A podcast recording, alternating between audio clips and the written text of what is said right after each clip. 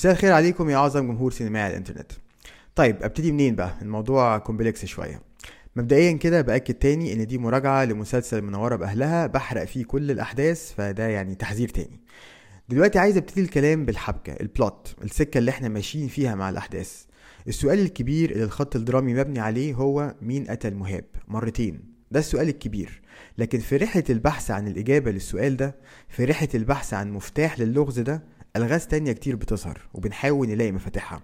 وهنا كان الجزء المسلي الكبير في المشاهدة. أنا اتفرجت على الحلقات كلها مع مراتي وكان كل شوية نعمل pause ونتساءل. مين الشخصية دي؟ وإيه علاقتها بالشخصية التانية؟ هي اللي قالته هنا ده معناه إيه؟ أو نربط حاجة حصلت في الحلقة التامنة بحاجة اتقالت في الحلقة الأولى. فدي كانت متعة في حد ذاتها تمرين ذهني كده كأننا إحنا الاتنين detectives بنتفرج وبنحاول نحل اللغز وخليني أبتدي المراجعة دي بطريقة مختلفة شوية إن أنا أبتدي من الآخر. بحل اللغز لأن ده اللي هيفتح لنا مواضيع تانية كتير نغوط فيها. إحنا قلنا مهاب اتقتل مرتين مرة منهم سببها هو الطار. مهاب بيجند مصارع شاب جميل ومهذب بيجنده إنه يبقى جزء من لعبة دموية زي جلاديترز بتوع زمان صراع حتى الموت مع مصارعين تانيين. كل ده علشان متعة شوية ناس مريضة بس أغنياء غنى فاحش. وهنا بنفهم شخصية عاصم وعادل وسلوى شاهين أكتر. شوفوا بنفهم إزاي شخصيات من خلال الأحداث. ثلاثي الشر ده هم تجار شهوات. مش غريبة إن شخصية باسم سمرة اسمها عادل الشهاوي. ال clients بتوعهم العميل بتاعهم هم أشخاص مريضة لكن أغنياء جدا. ليهم شهواتهم المريضة والثلاثي ده بيلبي لهم شهواتهم دي. فال blood sport دي المصارعة حتى الموت هي واحدة منهم. وبيستخدموا مهاب عشان يسحب المصارع أحمد اللي جاي هو كمان من بره القاهرة من هنا ده العامل المشترك يعني مهاب جاي من السويس عادل وعليا من بورسعيد المصارع واخوه من قنا نادي السباعي من مرسى مطروح الظابط آدم من اسكندرية حتى ليلى علوي أصلها من بره القاهرة زي ما بنعرف في مشهد فظيع تاني قدام هنتكلم عليه. الطريقة اللي بيغصبوا المصارع إنه يدخل لعبة الموت دي هو إنهم بيدشدشوا رجلين أخوه والطريقة الوحيدة إنه يكون معاه فلوس علشان يعالجه هو إنه يقبل يدخل في لعبة الموت دي. وفعلا بيكسب ويتحول لقاتل وبيفقد أدميته في البلاد سبورت دي. وبالرغم من كل ده الناس المريضة اللي بتدفع فلوس لقاسم علشان يتفرجوا على الموت ده ابتدوا يزهقوا وعايزين يطلعوا الليفل تاني. فعاصم يجيب نمر في الحلبة ويعيني بينهش وياكل المصارع الغلبان. حاجة تقطع القلب والناس القذرة اللي دافعة فلوس عشان اللعبة دي عمالة تضحك ومبسوطة كأنها بتتفرج على ماتش كورة. وبيشكروا عاصم في الآخر اللي هو يعني فخور إنه قدر يرضي العميل. ده عاصم ده يعني حكاية لوحده خلوه في دماغكم لأن هنتكلم عليه كتير قوي قدام. أخو المصارع اللي مات بقى لما يعرف اللي حصل يقرر ينتقم من مهاب. ما هو ما يعرفش عادل ولا عاصم ولا سلوى دول في الضلمة إنما اللي قدامه هو مهاب. والانتقام بتاعه شرس لكنه مبدع في شراسته.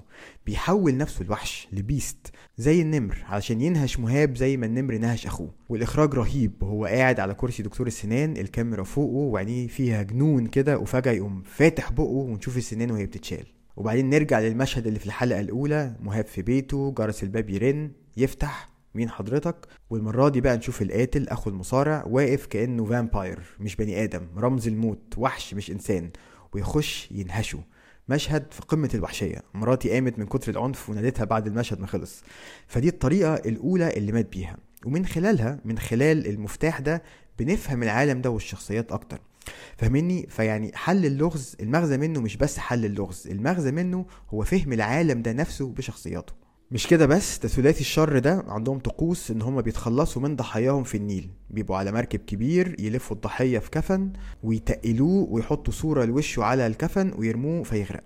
في المرة دي لما يحاولوا إن هما يتخلصوا من جثة المصارع ما بيغرقش لأول مرة. مش بس كده ده السما تغني. لأن الضحية مش شخص شرير ده كان راجل طيب زي ما أغنية صباح ما بتغنيها. حتى اسم الحلقة السماء تغني أحيانا. عجبتني جدا طريقة ال storytelling دي. يعني ما جابش مثلا شخصية تقول لنا ده ما غرقش عشان هو شخص صالح وطيب. لا ده باللغة الدرامية. قصة حلوة وإخراج عبقري. النيل ما شفطوش ما سحبوش لجوه والسما غنت له. ففي شاعرية وسريالية ممتعة. نروح بقى للغز التاني اللي برضه من خلاله هنفهم العالم ده أكتر. مين اللي قتل مهاب المرة التانية؟ بالسم. بنعرف إن عاصم هو اللي سممه. أول مشهد خالص في المسلسل في ال avant تتر حتى بنشوف مهاب بيقول لعادل وسلوى وعاصم إنه هيسيبهم فبيشربوه السكومونوس لآخر مرة. فبنعرف بقى في الحلقة العاشرة إن عاصم حط سم في السكومونوس وبعدين أخد مصل لمكافحة السم ده. فمهاب بس هو اللي اتسمم. وعمل كل ده لأن مهاب قال لهم بعد موت المصارع وبعد ما السما غنت قرر إنه خلاص هيسيب العالم ده. وعلى فكرة زي ما قلت إن البحث عن مفتاح اللغز بيفتح ألغاز تانية. كان في دايما لغز كبير أنا ومراتي دايما بتساءل فيه هما إزاي سحبوا رجل مهاب أصلا للعالم ده بعد ما كان بريء جدا وهو جاي من السويس. فبنعرف إن عادل بعد ما اكتشف إن عنده super power بتاعت الصور إنه عنده قدرة خارقة بتعرف تقرا اللي قدامه وتشوف معدنه عادل بيلفق لمهاب تهم وبيهدده بيهم فبيغصبه إن هو يشتغل معاهم. بيلفق له تهم إزاي؟ هنيجي للنقطة دي بعدين. المهم إن مهاب بيقرر يسيبهم فعاصم بيسمه مين عاصم بقى؟ ده لغز كبير جدا. وهنا بقى يعني صياعة شديدة في ال storytelling في طريقة حكي الحدوتة. عاصم ما بيتصورش ابدا محدش يعرف شكله. فآدم وكيل النيابة أحمد السعدني بيتخيله بيديله شكل في عقله والشكل ده بيبقى في علينا إحنا من خلاله وبيعملوها حلو قوي إن هو بيجرب كذا شكل لحد ما يتصور آه، عباس أبو الحسن يبقى هو عاصم. وبيكملوا كده فإحنا خلاص في بالنا برضو إن هو عباس أبو الحسن. وبننسى إن ده مجرد خيال. لحد الحلقة العاشرة لما يعملوا فريز فريم على صديق أحمد السعدني أشرف وكيل النيابة أو المحامي التاني ده أبو دقن ونضارة وبيكتبوا المهنة عاصم. في اللحظة دي وأنا بتفرج أنا ومراتي عملنا pause وبصينا لبعض كده مش مصدقين. يا نهار أبيض يعني كان twist حلو جدا جدا. ولكن كمان بنعرف بعد كده إنه لأ أشرف مش هو عاصم. ده أشرف كان framed اتلفق له علشان أحمد السعداني يفتكر إن هو عاصم. طب إزاي؟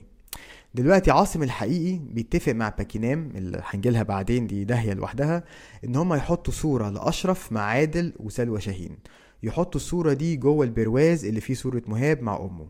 وكمان يحطوا في بال أحمد السعداني إن البرواز ده بالذات فيه حاجة. إزاي؟ إن هم عملوا تمثيلية إن في حد دخل على باكينام وحاول يسرق البرواز ده بالذات. بتقول له إن الحرامي ساب كل الصور كلها وهمه كله كان على البرواز بالذات. فدخلوا في دماغ أحمد السعداني إن البرواز له أهمية معينة وأكدوا على الأهمية دي لما أم مهاب جت مخصوص عشان تسأل على البرواز. كل ده علشان أحمد السعداني يكتشف الصورة اللي هم حاطينها اللي فيها أشرف مع سلبى وعادل. فالموضوع كله لعبة وكمان حطوا إزازة سم في بيت أشرف مشابهة للسم اللي مات بيه مهاب. فعاصم الحقيقي لفق هويته في أشرف. مين بقى عاصم الحقيقي؟ الحل برضو بيظهر معانا في الحلقة العاشرة. بنشوف مهاب بيحكي إنه كان عايز يتخلص من ثلاثي الشر بإنه يروح يعترف لأحمد السعداني لكنه لما راح له النيابة شافه مع عاصم وأخد صورة. فخاف لأنه افتكر إن أحمد السعداني شغال مع عاصم فده حل اللغز.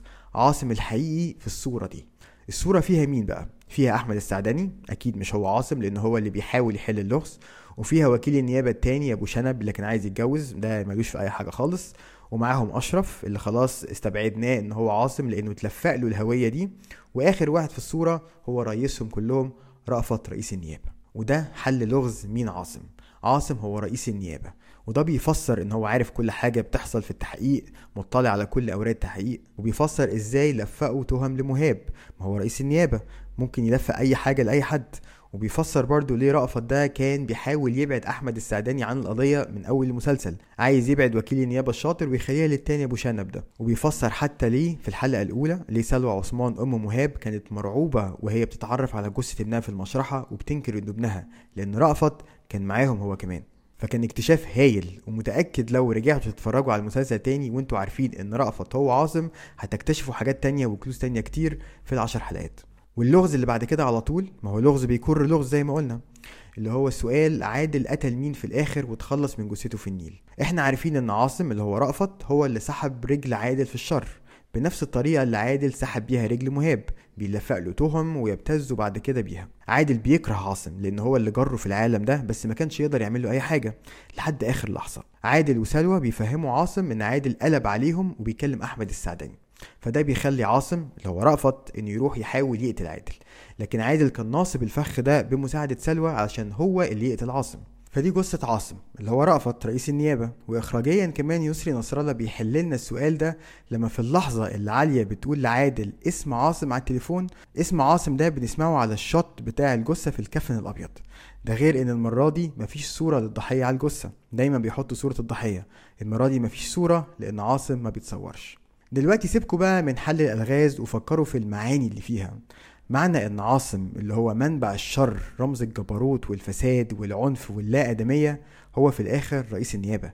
يعني الشخص اللي المفروض يحمي سكان المدينة دي مدينة القاهرة اللي هي أهم شخصية في المسلسل حميها هو حراميها. أبعاد المسلسل ده ضخمة وده يمكن جاوب على سؤال كنت سألته في مراجعة أول ثلاث حلقات. ليه الزمن الحاضر في المسلسل هو 2010 أيام مبارك. لأن يمكن محاولة لإبعاد الإسقاطات دي كلها عن زماننا دلوقتي. المهم فكرة إن عاصم هو رئيس النيابة بيزود أبعاد الشر والظلام للقاهرة اللي سحبت حياة الضحايا اللي جاي من براها. القاهرة أصبحت مدينة ملعونة وده بيبان كمان في كلمات الزرقاء اللي بنسمعها في آخر مشهد. كان في لغز تاني وهو البيبيهات اللي بياخدوهم دول بيعملوا فيهم إيه؟ الإجابة موجودة برضو في الحلقة الأخيرة. باكينام بتتكلم عن أبحاثها وهي استئصال هرمونات النمو في البيبيهات اللي لسه مولودين علشان يعملوا تجارب لتطويل العمر للخلود. جنان يعني. ولو رجعتوا ركزتوا في اللقطة اللي غادة عادل سجلتها هتلاقوا إنها باكينام هي اللي بتعمل عمليات للبيبيهات. وفي مشهد تاني وباكينام وعادل وسلوى في معمل غريب كده شايفين بيبيهات في حضانات خضراء غريبة وراهم. فهم مجانين وفساد لدرجة بشعة وجنونية. لكن في تكة كده فيها حس فرعوني وهي الرغبة في الخلود. وباكينام بتقولها الخلود ده حاجة ممكنة. الفراعنة كانوا اوبسست بفكرة الخلود. حياتهم وعقيدتهم كلها مبنية على فكرة الخلود وحياة ما بعد الموت. وده مربوط بالمركب الفرعوني اللي دايما بيرموا ضحاياهم من فوقيه جوه النيل. تمات وأفكار فرعونية كده وعادل اللي دايما مهتم بشكله وبيخاف من التجاعيد وبيدور كمان على الخلود. حاجات الواحد يقعد يفكر فيها بعد المسلسل ما يخلص. المسلسل متعبي حاجات كتيرة جدا وكل شخصية ممكن أعمل عليها حلقة. ليلى علوي وإزاي بقت سلوى شاهين اللي عملوا فيها جوزها إنه كان بيسرق عيالها أول ما يتولدوا ويبيعهم ويفهمها إن هم ماتوا ويدفن عرايس أختها على إنهم جثث ولادها. دول ال 11 اللي دايما لابسة سلسلة عليها رقم 11 وانتقامها من جوزها ده إنها تخلي ابنه يأكله سم. مشهد عجيب كان شددني ثانية بثانية. والأداء over جدا بس بشكل ممتع. ولازم يبقى over ما أنتوا بصوا القصة. وديكور غريب فكرني فيلم اسمه Sunset Boulevard أرشحه جدا.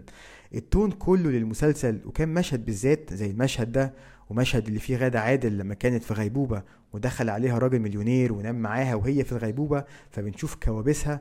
مشاهد كلها سريالية من عوالم ديفيد لينش ولوي بنويل وسلفادور دالي. تون مختلف ما ينفعش تقارنوه بأي تون أو حس تاني هو العالم بتاعه.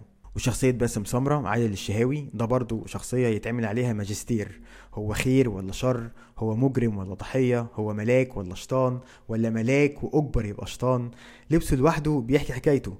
دايما في أجنحة أو عناصر ليها علاقة بالأجنحة في جزمه في قمصانه في بيته. كلام كتير جدا يتقال. حاولت إن أنا أحصره في مراجعة واحدة وده شبه مستحيل. بس أتمنى تكون المراجعة دي إدتكم مفتاح لتقدير المسلسل ده أكتر. وقولوا لي أنتوا رايكم إيه برضو في الكومنتات. وشكرا لصناع المسلسل ده يعني اديتوني أنا شخصيا وجبة درامية دسمة كده اقعد فترة على ما اهضمها. وشكرا كالعادة على متابعتكم واشوفكم الحلقة الجاية. سلام.